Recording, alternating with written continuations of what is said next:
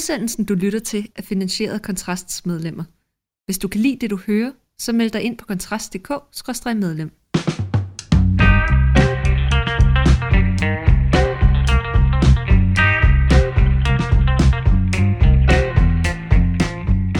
Så er vi tilbage med endnu en udgave af Fyreaften med undertegnet Mikkel Andersen ved den ene mikrofon og Rasmus Ulstrup ved den anden. Og vi udkommer jo ikke med, med helt samme frekvens, som vi gjorde i fordums dage, så der er en del at samle op på, siden vi, vi sidst var her. I dag der kommer vi lige til at vende øh, udviklingen i krigen mellem øh, Israel og Hamas, og så ser vi nærmere på, hvad der er sket i dansk politik, der også har haft en ganske begivenhedsrig uge. Men jeg tænker, vi, øh, vi starter med øh, krigen mellem Israel og Hamas, der jo nu går ind på sin, det der må være lidt over halvanden måned siden den øh, massakren den, øh, den 7. oktober.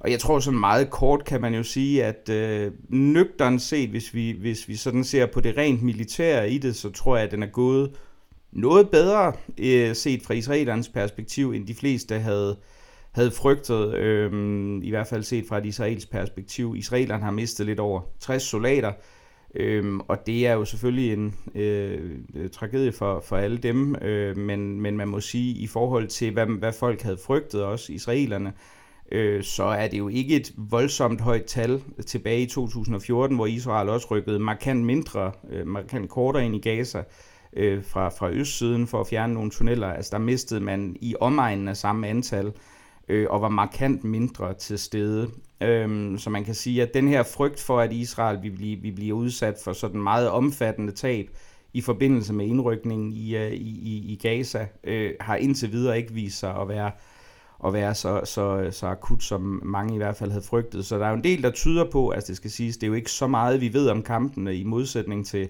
til det, vi ser i eksempelvis Ukraine, så er det jo ikke så mange videoer og, og billeder, der kommer ud, selvom Hamas ligger lidt ud, og Israel også ligger ud. Så, vi, så der er sådan en fog of war i forbindelse med, med den her udvikling. Men det vi ved er jo, at Israel har, har skåret Gaza over i to halvdele øh, ved, ved det område, øh, naturområde, hvor der også løber en flod, der hedder Wadi Gaza, som, som, som ligesom gennemskærer Gaza-striben lidt syd for, for Gaza by, som er den største sådan befolkningsmæssige koncentration.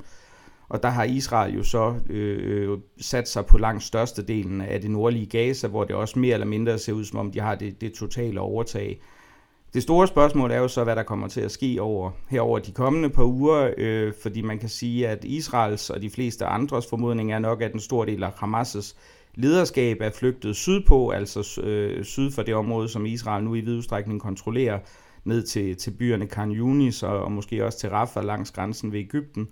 Øhm, og spørgsmålet er jo så om Israel, øh, ligesom øh, når de er færdige med at, øh, øh, at nedkæmpe Hamas i det nordlige Gaza, så vender, vender blikket mod syd, øh, fordi der vil man så også kunne forvente ganske omfattende kampe, og naturligvis også omfattende civile tab, fordi det er klart, at, at Israel har jo, har jo øh, hvad det hedder, opfordret store dele af det nordlige øh, Gazas befolkning til at rykke sydpå, Øh, Øh, og det har, har et meget, meget stort antal også gjort, og det betyder jo så, at befolkningskoncentrationen i de forvejen befolkningstæt område er blevet markant større nede sydpå. Og det er, jo, øh, det er jo naturligvis et problem, fordi Israel oplever jo også stigende international pres. Øh, der er blevet dræbt, øh, så vidt jeg husker, i talende stund, og, og har vi jo sådan noget tirsdag lidt over middag, øh, der, der er det en 12-13.000, som er, som er blevet dræbt indtil videre. Og der skal det siges, Hamas og de øh, palæstinensiske sundhedsmyndigheder, der også er, er kontrolleret af Hamas, skældner ikke mellem kombatanter, altså det vil sige Hamas-soldater eller andre militssoldater, øh, og så civile. Så præcis hvor stor en andel af, af, de, af antallet af dræbte,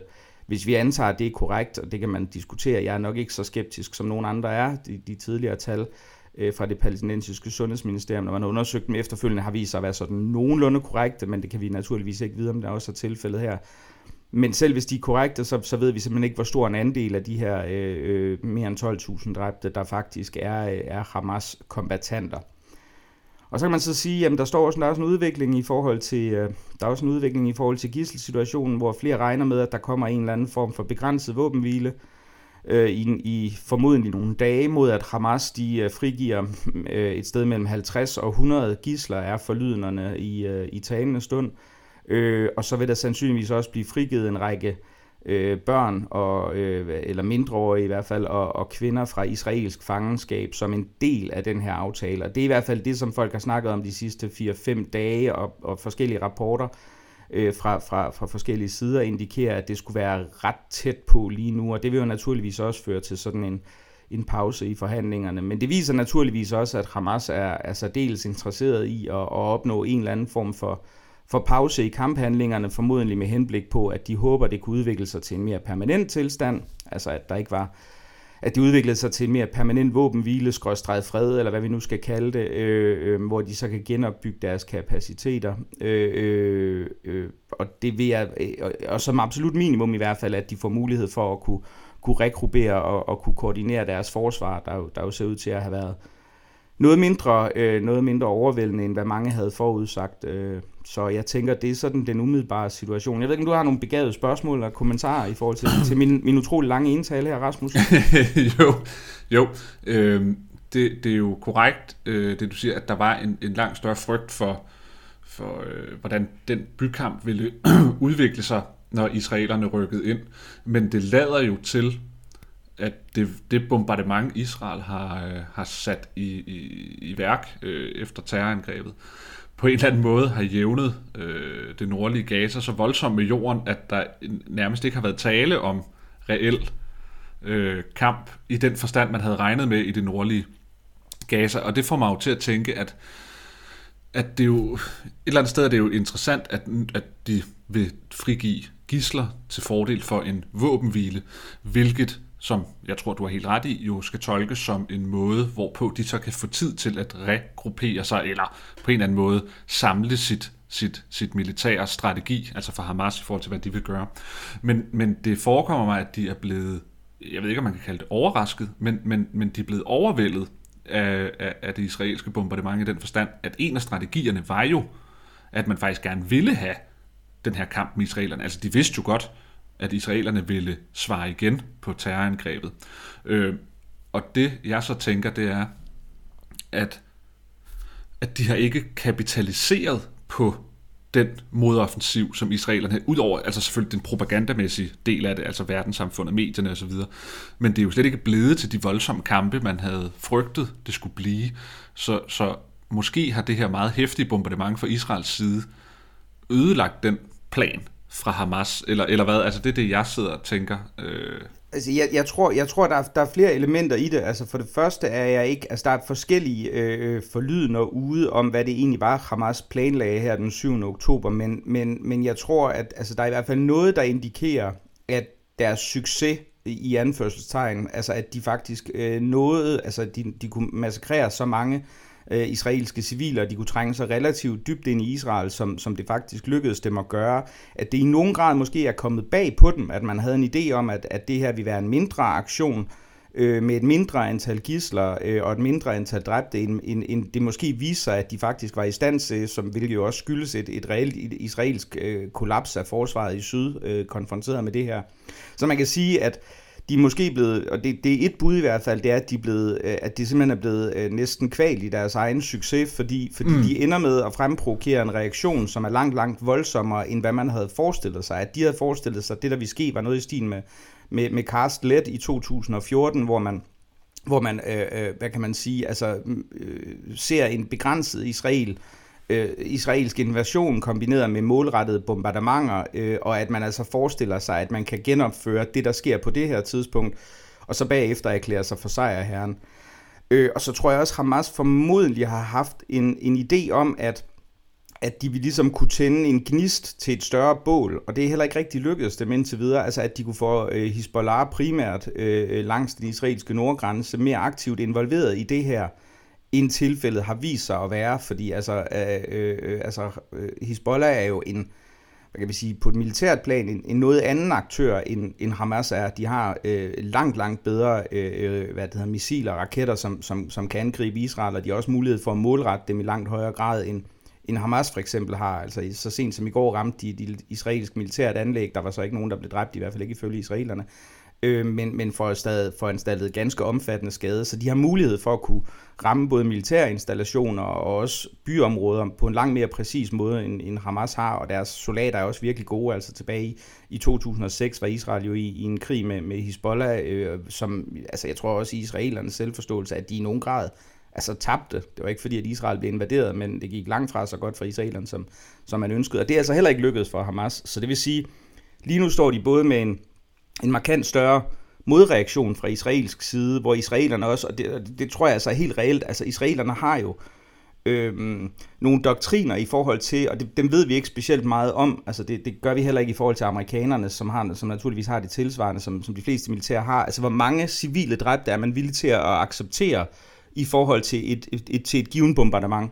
Og der tror jeg, og det, det er kun en, en antagelse, jeg har, øh, øh, en formodning, det er ikke noget, jeg kan belægge med, men jeg tror, at israelerne har, har sagt i den her sammenhæng, der er man villig til at acceptere flere civile dræbte per, per målrettet angreb, end man har været tidligere. Og det, det tror jeg måske også er en af de ting, der har ændret det, fordi det er jo, det er jo klart, at du, jeg tror, du har fuldstændig ret i, at bombardementet har jo ligesom øh, øh, gjort det, altså og de har jo været lang, altså lang tid før Israel, Israel rykkede ind, og dels omfattende. Altså vi, vi snakker om nogle, nogle meget omfattende bombardementer.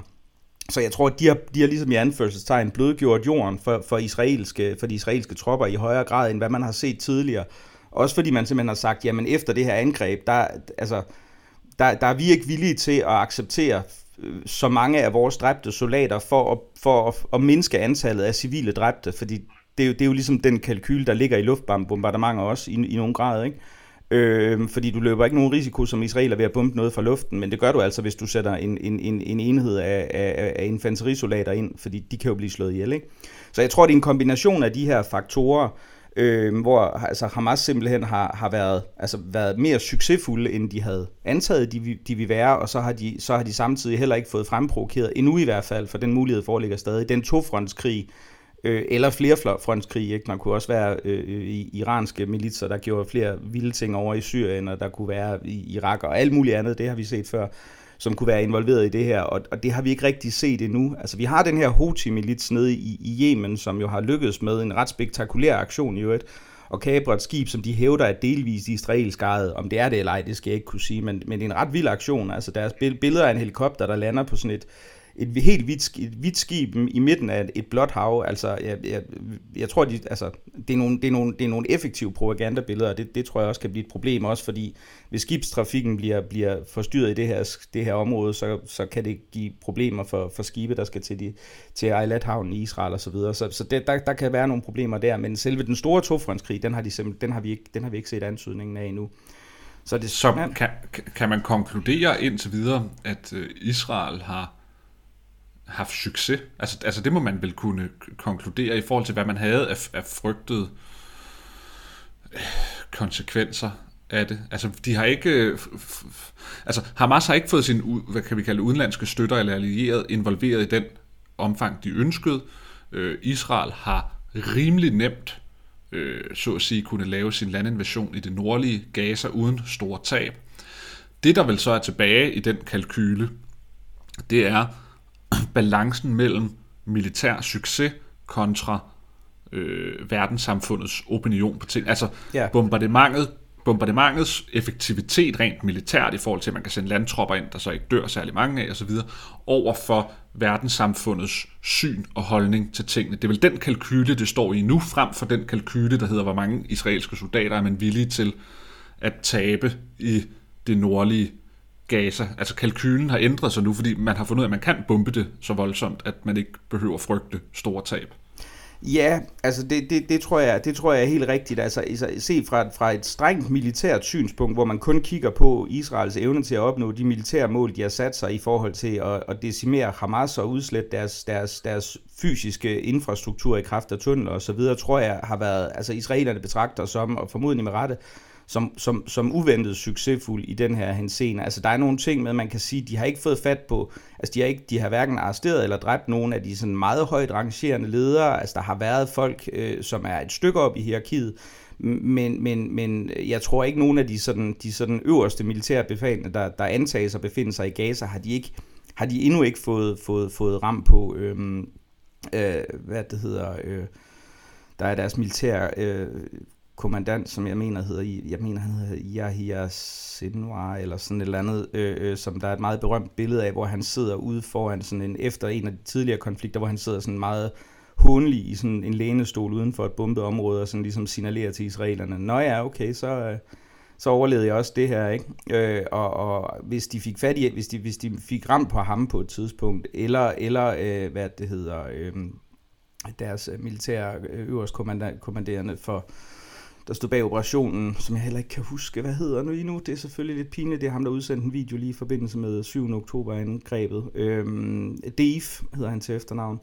Hvis de fik fat på ham, så, så, så ville det også være rigtig, rigtig stort. Men det har de altså ikke gjort endnu, så det er sådan der, hvor man kan sige, det, det er ikke helt succesfuldt for, for israelerne endnu, men sådan fra et rent militært perspektiv, jamen altså, der, der ser det ud som om, de har styr på sådan store dele, meget, meget store dele af det nordlige Gaza nu, og selve Gaza by også jo, som er hoved, hovedbyen i, i Gazastriben, og, det, det, og at man har kunne gøre det med, igen i anførselstegn, kun, kun 60, 60, 60 plus dræbte israelske soldater, det, det, tror jeg, det, det tror jeg, de fleste vil betragte som en entydig sejr. Men så er der jo så den, den internationale opinion, og det er jo der, hvor man kan sige, at Øhm, og nu skal jeg jo passe på, hvad jeg siger, eller hvordan jeg formulerer det, fordi min pointe er jo ikke, at dem, der marcherer i gaderne, øh, øh, aktivt vælger at støtte Hamas, men jo mere, jo mere pres, der bliver lagt fra Israel, øh, eller på Israel fra, fra demonstrationers side, jo, jo bedre set, også fra Hamas' perspektiv naturligvis, altså fordi der ophører af kamphandlingerne, vil naturligvis i Hamas' selvforståelse og, og logisk nok være, være i deres favør, ikke? Altså, så, så jo mere pres, der bliver lagt på Israel for at og, og hvad kan man sige, at ophøre kamphandlingerne, og samtidig med, at det sker uden et, et særligt stort pres på Hamas for at frigive gislerne, og det er der jo ikke mange af demonstrationerne, der går til, der, altså sådan de, de pro-palæstinensiske demonstrationer, hvor man ser flag, der, der kræver det. Det, det er naturligvis bedre. Der, der tror jeg klart, at, at Hamas har, altså, øh, øh, føler, at de har verdens, eller store dele af den folkelige verdensopinion, hvis vi skal sige det på den side, på, på deres side, og det, det, det tror jeg da også vil være en korrekt analyse i, i den her henseende. Altså, det er jo ikke, ikke øh, pro-israelske demonstrationer, vi ser i gader og stræder med 100.000 af deltagende.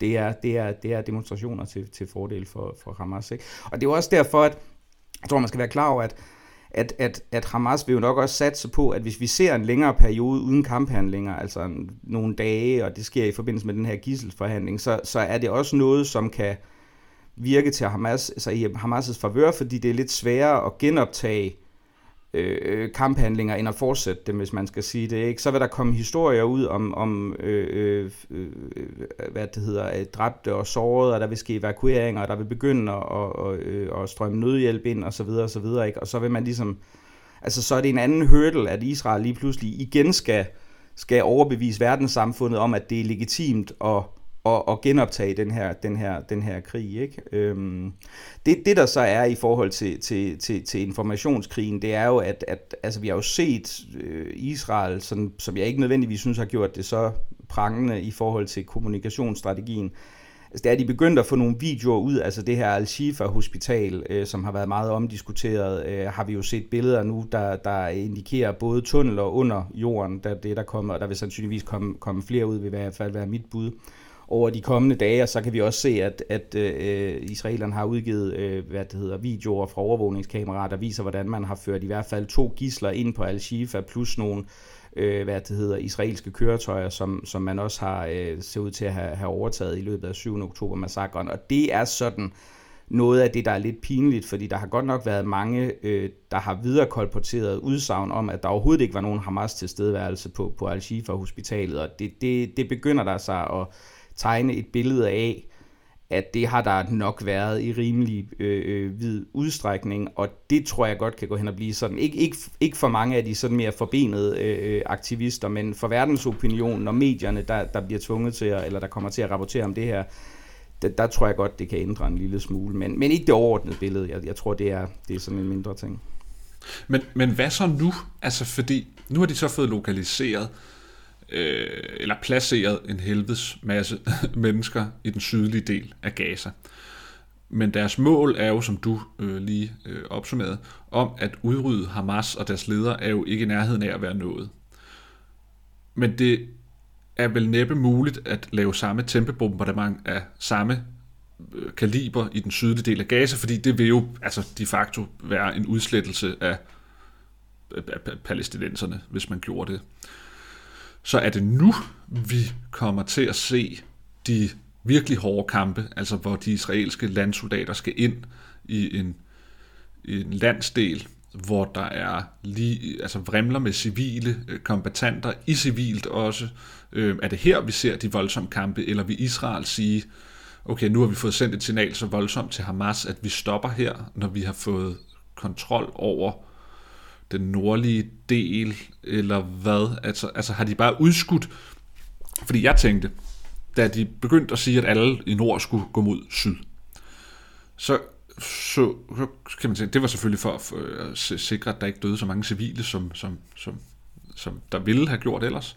Men man skubbede jo også et eller andet sted problemet foran sig, fordi at Hamas har jo vist sig at tage med sydpå hvor man måske havde en idé om, jeg kan i hvert fald huske, der var flere, der snakker om, at Hamas havde et ønske om at blive tilbage i Norden for at få den kamp med de israelske styrker, som var det, der var hele målet med det hele. Men det har jo ikke vist sig at være tilfældet.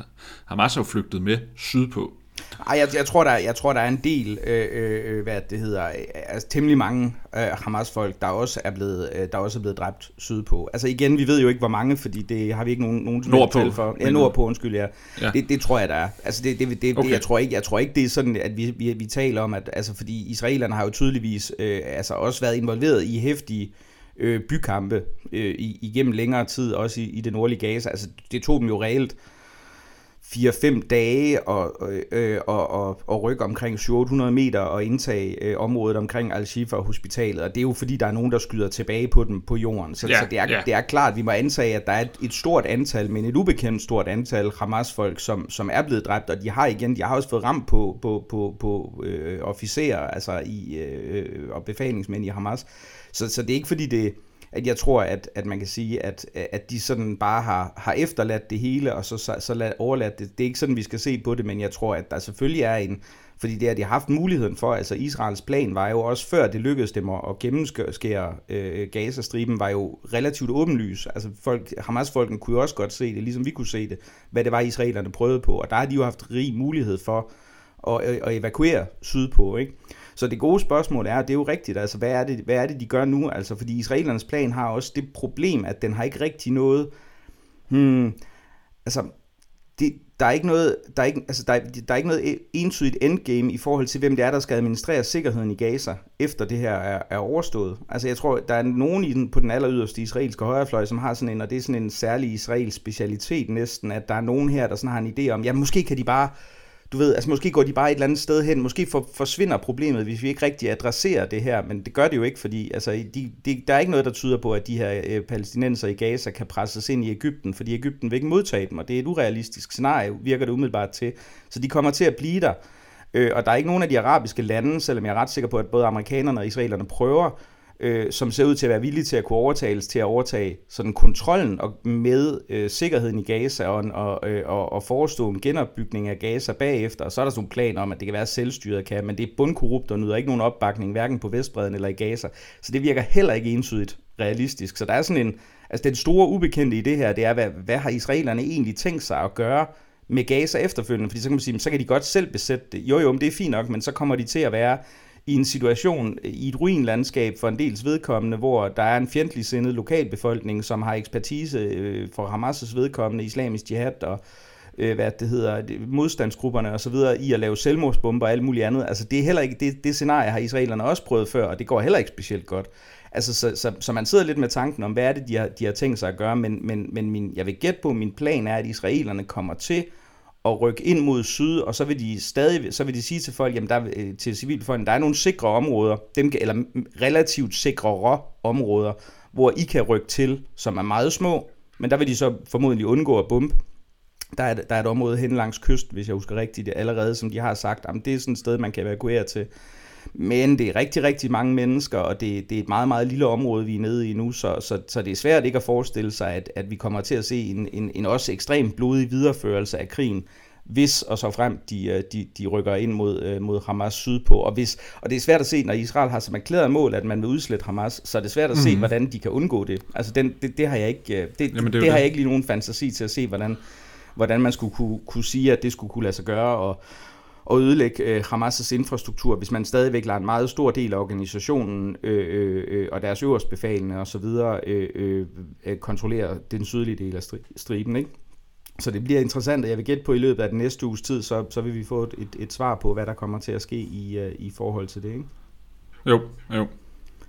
Men det kan være, at vi lige skulle, uh, skulle vende dansk politik her. Der er jo også sket en, uh, der er jo sket en del i, uh, i den, i den sidste uge her. Uh, vi kan være, at vi skal starte med den gode Troels Lund, der blev, der blev uh, uh, klappet ind som, uh, som ny venstreformand. Hvad, hvad, hvad tænker du, Rasmus? Det, er jo, det er jo dig, der er vores Christiansborg-visker her i uh, stor succes, et triumftog. Ja, det er i hvert fald en triumf, at det ikke længere er Ellemann.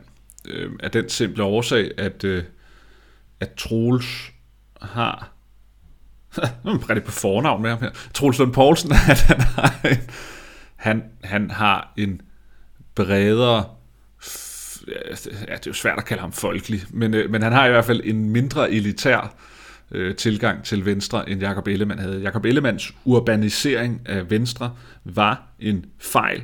Øh, det, hans analyse af partiet, dets problemer og dets løsninger var forkerte. For Ellemann var analysen, at Venstre var blevet for infiltreret af, så at sige, det nationalkonservative højre gennem tiden, og nu skulle de finde tilbage til det, han blev ved med at kalde for klassisk liberalt, eller Venstres rødder, og det han så altid tolkede det som, det var at blive et urbant, moderne liberalt parti, som ikke havde noget at gøre med en klassisk liberal eller venstre rødderne øh, overhovedet.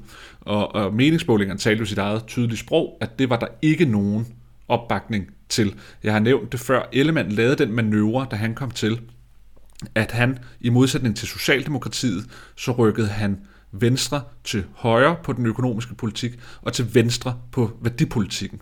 Og den kombination er den absolut ringeste kombination, man kan have i Danmark, fordi danskerne er nogle jævne, gode folk, der ønsker sig en centrum-højre værdipolitik og en centrum-venstre økonomisk politik. Altså det stik modsatte af den øh, reorientering af Venstre, som Jakob Ellemann han leverede.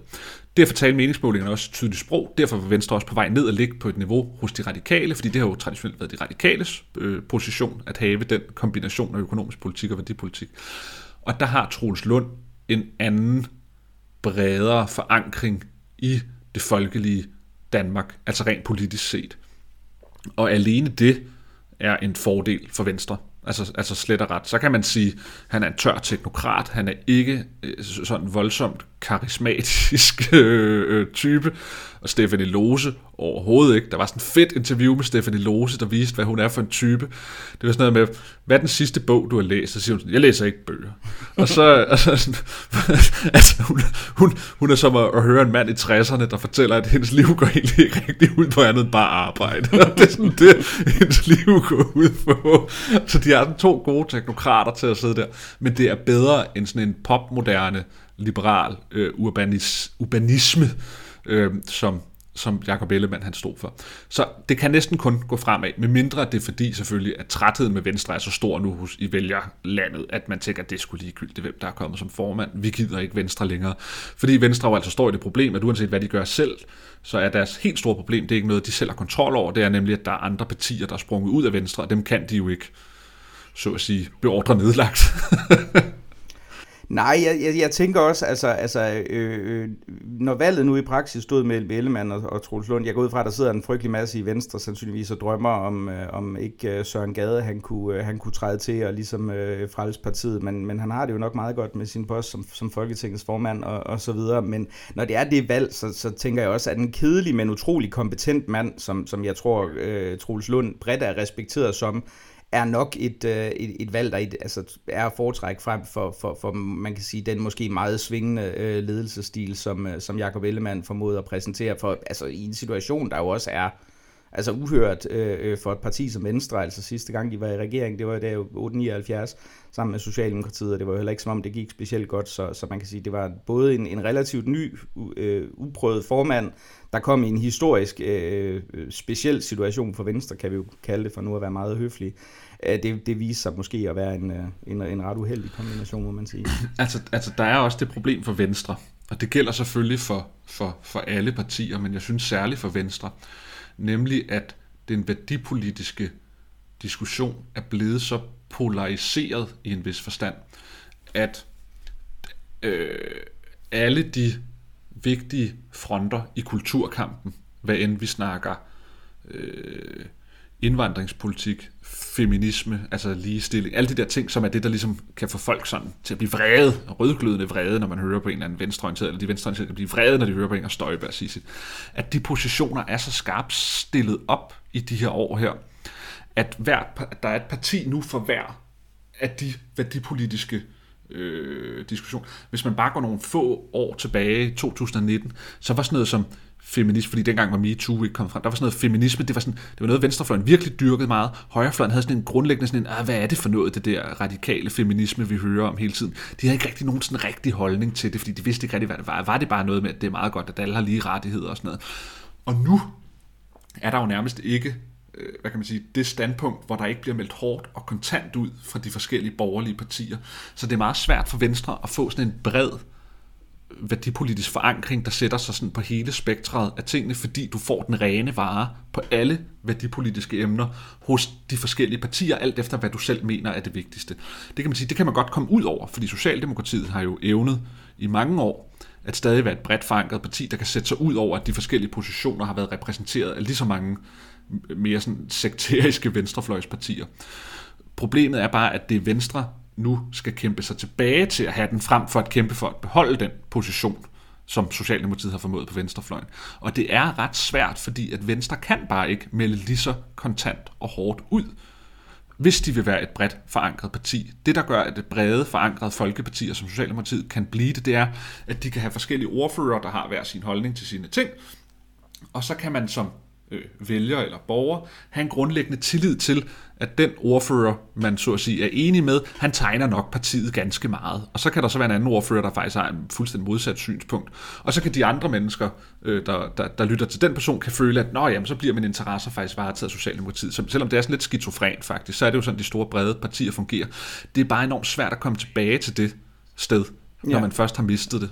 Ja, også fordi jeg synes, den virker så... Altså, Altså man kan jo sige, hvis man sådan meget forsimplet skulle sige, hvad, øh, hvad, hvad det vi kalder identitetspolitik eller wokeness er, så er det jo ideen om, at repræsentation i nogen grad trumfer meritokratiske værdier. Ikke? Altså at, at, at det at lave en, en sammensætning af både arbejdsmarkedet og bestyrelser og øh, hvad det hedder, øh, spille, øh, musikere på spillesteder og alt muligt andet, at der er værdien af øh, hvad kan man sige, at du har en ligelig andel af repræsentation øh, øh af etniske, seksuelle øh, øh og kønsmæssige øh, minoriteter. Altså, den fordeling skal være lige.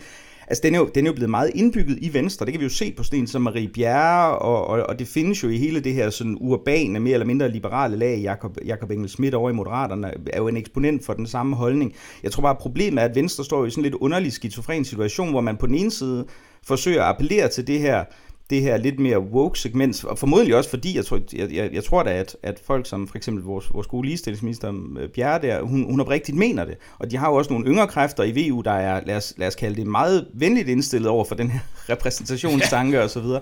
Men samtidig så har du så det, hele det her, øh, stadigvæk det her landbrugsvenstre segment, som så vildt sure over, øh, hvad det hedder, at man skal have kvoter på CO2, som man så også bliver nødt til at pise på en eller anden måde. Ikke? Og det illustrerer jo meget godt partiets dilemma, ikke? fordi er der noget, der, der overhovedet ikke er woke, så er det jo til gode se, altså et CO2-udledende landbrug, som jo ligesom er den mest anachronistiske produktionsform i en mere woke-optik, øh, og, og, og samt CO2-udledende.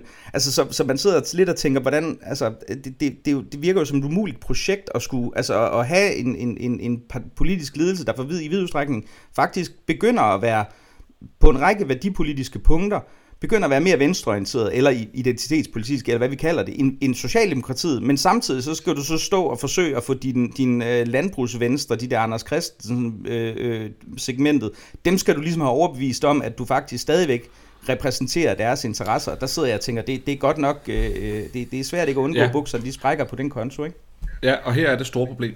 Du kan sådan set godt få landbrugsvenstre til at acceptere, at nu bruger vi bare landbrugsvenstre som sådan samlet udtryk for sådan den der folkelige, jyske, øh, traditionelle vælgerbase.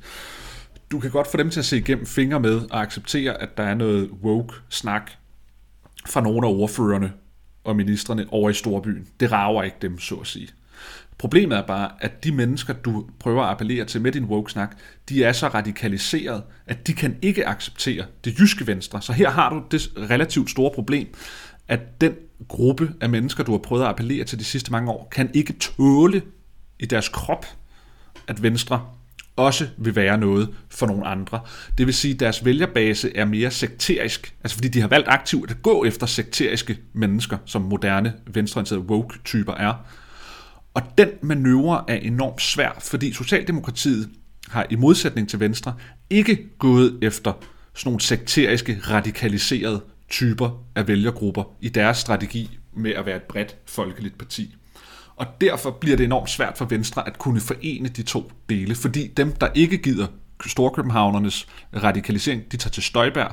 Dem, der ikke gider Venstres øh, pleasing af boomermænd i Jylland, jamen de går til Radikal Venstre, eller til LA, eller til Moderaterne, eller hvor de nu går hen altså, det, det, det er en helt anden udfordring. Ja, præcis, og det er også der, hvor jeg synes, at en af de mest interessante ting, det var netop Venstres reaktion på, øh, hvad det hedder, den her øh, kvotefordelte barsel, da vi så den i sin tid. Fordi det fascinerende var jo, at vi så Socialdemokratiet, som var nærmest sådan, ja, men øh, det, er, øh, det er noget, EU øh, har besluttet, og arbejdsmarkedets parter er, øh, hvad det hedder, har lavet en aftale sammen, og den synes vi er super fin, øh, men øh, hov, sen, lad os snakke om noget andet, der er det derovre, et eller andet, ikke?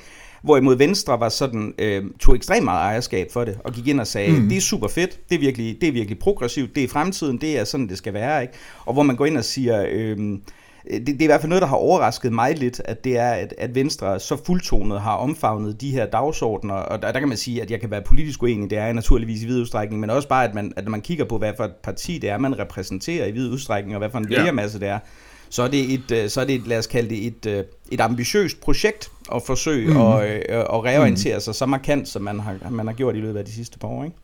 Og det, det er det, jeg ser som den helt grundlæggende fejltagelse ved Ellemands formandskab, det er, at han har gjort næsten uoprettelig skade ved at i flere år at have kørt Venstre ud af en strategi, der skulle basere sig på nogle vælgergrupperinger, som ikke er mennesker, der kan lide store, brede folkepartier, hvor man også har vælgerbaser, der mener det stik modsatte på de her meget, meget vigtige værdipolitiske spørgsmål for de her mennesker.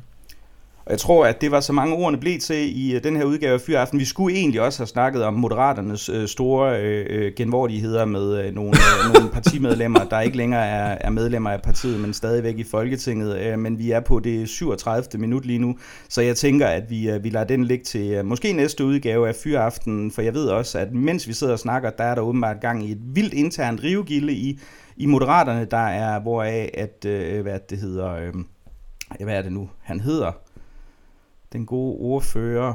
Øh, nej, ikke Rasmus Lund. Øh, nej, det er ham med tatoveringen af Grundtvig. Hvad pokker er nu, han hedder? Ja, besøg, ja. Han har sagt, at det, der ikke var tale om grooming i forbindelse med ham her, øh, Mike Fonsecas øh, forhold med en 15-årig, og det er, det er Monika Rubin jo så tydeligvis meget, meget uenig i. Øh, og den konflikt er jeg sikker på, at vi kommer til at høre utrolig meget om de kommende par dage, så det kan være, at... Lad, os lige, det kan være, lad mig lige hurtigt knytte en, en meget hurtig kommentar til det. Man skal være opmærksom på, at, fordi det er ret interessant, det du siger nu med Jeppe Sø, det er, at moderaterne har en helt eksplicit øh, ønske om at i talesætte hans forhold til den 15-årige, som så absolut slemt som muligt, at få ham helt ned der, hvor han vil trække sig fra Folketinget. Det er der selvfølgelig en strategisk årsag til, det er, at man vil have en suppleant ind i Moderaterne. Fordi hvis han bliver løsgænger, så mister regeringen jo et mandat i deres øh, flertal. Og derfor er det ret interessant, hvis jeg besøger går ud og modsiger Monika Rubin, fordi Lars Lykkes udtalelser har fra start været, at han synes, at Mike Fonseca burde trække sig helt fra politik, burde trække sig helt fra Folketinget, fordi det er så uværdigt, det han har gjort. Det handler selvfølgelig om, at man vil have suppleanten ind. Det værste, der kunne ske, det var nemlig, at Mike Fonseca han bliver løsgænger. Og den strategi har Monika Rubin jo så tydeligvis bakket op i. Altså, det, det, det kan jo sagtens være, at de mener det, hvilket er fuldt forståeligt, men, men, men den har hun ligesom været med på ved at nu at kalde ham for Klamme Mike, altså som altså sådan Donald Trumps navn.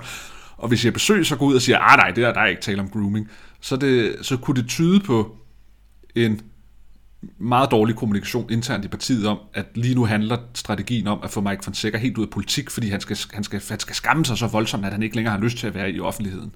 Altså det er dybest set det, det går ud på. Og således fik vi faktisk lige et enkelt, øh, et enkelt lille super aktuelt hot take ind på, øh, på falderæbet her i dagens udgave af Fyraften. Øh, men det var også, hvad det blev til i den her omgang. Mit navn det er Mikkel Andersen, og ved den anden mikrofon sad som altid Rasmus Ulstrup. Tusind tak, fordi du lyttede med.